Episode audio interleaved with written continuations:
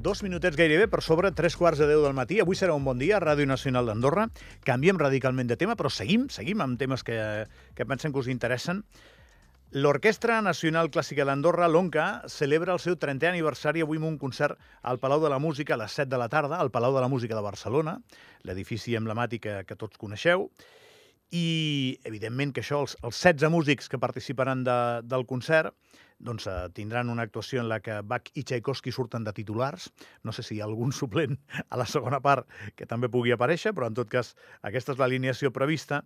Però el que li dona avui un sabor especial a banda de l'aniversari és que intervindrà el violinista i director Gerard Claret, que és el pare de l'Onca. Ja no és el director, però avui doncs, tindrà aquest paper. Ell, en teoria, doncs, ja no està amb una activitat tan frenètica com abans, i això jo crec que li dona doncs, un punt emotiu a aquesta actuació, que podreu seguir en directe, per cert, per Ràdio Nacional d'Andorra, i, i que ara mateix doncs, jo tinc el gust, a aquest, a aquest mateix moment del matí, de saludar el Gerard Claret, que ja ens escolta. Gerard, bon dia. Què tal, com anem? Doncs la mar de bé. Bon dia. I, i, i si a més puc parlar amb Gerard Claret, millor. Jo, escolta, jo et discutiré lo del nivell frenètic, eh? doncs endavant.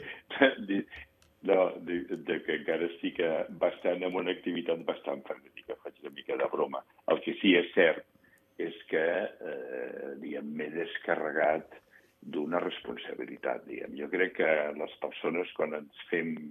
Quan ja anem tenint anys, per no dir ens fem grans, el que ens pot, diguem, eh, el que ens pot representar algun tipus, diguem, de problema és l'excés de responsabilitat, però no l'activitat. Jo estic eh, realment en una activitat bastant considerable, ni, ni molt menys allò que en diuen jubilat, allò que, que em sembla molt bé, eh, el que decideixi l'opció aquesta, però bé, diguem, els artistes, els intèrprets en aquest cas, doncs bé, tenim aquesta faceta que mentre puguem anar fent el que hem estat fent tota la vida, és una cosa que ens omple molt i no, en aquest sentit no renunciem, no renunciem a res. Però bueno, parlem de lo d'avui, que és l'important. No, home, no, però és, és un matís necessari. Jo sí que pensava que t'havies descarregat més i que ara estaves, doncs, més, tenies una vida més light, que no estaves retirat, però que, que tenies una vida més light. Tu fas esport, bueno, a més a més. Deia, sí, faig esport, tinc menys responsabilitat, perquè és evident que la responsabilitat de director artístic de, de l'ONCA era una gran responsabilitat, de la qual pengen diguem, moltes obligacions, per entendre'ns, no? En aquest sentit, doncs, bueno, segueixo fent classes a l'Institut de Música d'Andorra la Vella, que és una activitat que m'encanta treballar amb infants, ho he fet tota la vida, i és una activitat que m'omple molt, i mentre la pugui fer en aquest sentit sí que diguem, amb l'edat vas tenint més experiència, diguéssim. Llavors, aquesta experiència doncs, és important que la puguis retransmetre als infants. Després, amb els meus fills, tenim el trio de corda que anem fent guions i anem treballant, i bueno, una, una orquestra amateur que, que, que he fundat aquí a Sant Cugat, l'Orquestra Dilatant de Catalunya, amb la qual la veritat és que em diverteixo moltíssim. I després el que tu dius, l'esport. Bueno, aquí faig el que puc. Bueno, tu jugaves, tu jugaves a pàdel. molt caminar. Jugaves a pàdel quan... M'agrada molt caminar per la muntanya i jugo, jugo a pàdel. Encara, eh? També, sí. Sí, sí, sí. Bueno, un violinista deu tenir bona mà. a priori sí, no? Bueno, a veure, jo, jo també és veritat que tampoc em jugo la vida per una pilota, eh? No, home, no, cony, que et jugues la mà. Sí, veig, he vist gent que s'ha fet, que s'ha fet bastant mal a una pista de pàdel, però m'ho passo molt bé. Mira, jo no havia fet mai esports, diguem, de, de raqueta, en aquest cas de pala, però el primer dia que em vaig posar en una pista de pàdel ho vaig passar si el primer dia sense saber-ne ja t'ho passes bé, escolta'm, això val la pena, perquè això també jo a la vida sempre he intentat passar-m'ho bé. Amb tot el que faig gaudir-ho al màxim i fer, intentar fer el que m'agrada. Després, després la vida, la, la ella, ella, ella sola ja es complica, eh? I, i tenim tendència a fer-ho nosaltres sols. Vinga, anem a l'1 d'avui. Bueno, és, la vida és... es complica, sí, és que la vida és complicada, eh? Vull dir, el, ho és, que, el que no tingui clar que la vida és complicada, pues, eh, ho té una mica més complicat encara. Gerard, avui serà emotiu per tu?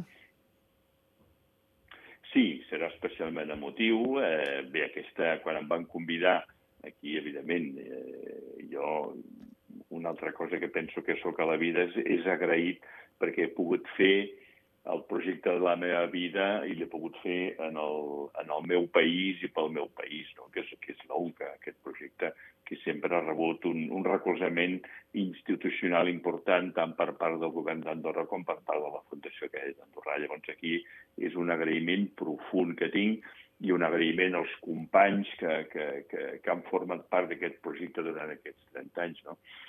Llavors jo vaig deixar l'orquestra ja fa un parell d'anys, si no ho conto malament, i he sigut, evidentment que hi he sigut vinculat d'alguna manera, però està, quan em van fer la proposta de, de, de poder fer una producció pel 30 aniversari, doncs evident que em va fer molta il·lusió, i de seguida el que se'm va presentar aquesta proposta en llocs on l'ONCA havia tingut una vinculació especial durant aquests 30 anys. No?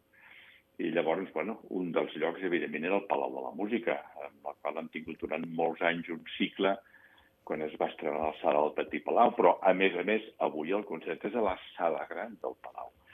I la sala gran, al marge fins i tot de l'Onca, jo hi vaig començar a actuar amb el meu germà Lluís, quan vam entrar a formar part de l'Orquestra Ciutat de Barcelona, quan teníem 17 anys, l'any 68. O sigui, no cal que fem gaires comptes, però fa ja fa uns quants anys, o sigui que de la història eh, centenària del Palau, més que centenària del Palau, eh, jo en formo una part important. I això, bueno, fa una mica de vertigen, però és així i molt bé. Llavors, bueno, avui eh, amb l'ONCA, que ja han fet aquesta producció un parell de vegades, perquè la vam estrenar al Festival de les Nits de, de Sant Pere Sallavinera, que és el, Curiosament, és el primer lloc on va actuar l'ONCA després de la seva presentació oficial a Andorra el 20 de març del 93, va ser en aquest festival, i després ja, ja hem actuat d'altres vegades, no? però també ha sigut un lloc emblemàtic, la vam tocar en el concert de, de, de Meritxell que vam fer aquest passat mes d'octubre al Santuari de Meritxell, que també va ser un concert molt, molt emotiu, i ara al Palau de la Música, i amb una mica de sort potser també ho podrem fer Sant Cugat eh, d'aquí un temps, eh, que també és un lloc amb el qual hi hem tingut una vinculació important. Però bueno, avui al Palau de la Música, la sala gran d'aquest eh, escenari emblemàtic, d'aquest escenari fantàstic i, bueno, hi ha el, evidentment, eh, és la, la excitació màxima, no?, en aquest sentit de pensar que aquesta tarda trepitjarem l'escenari del Palau, farem la prova de so a quarts de sis i el concert a les set.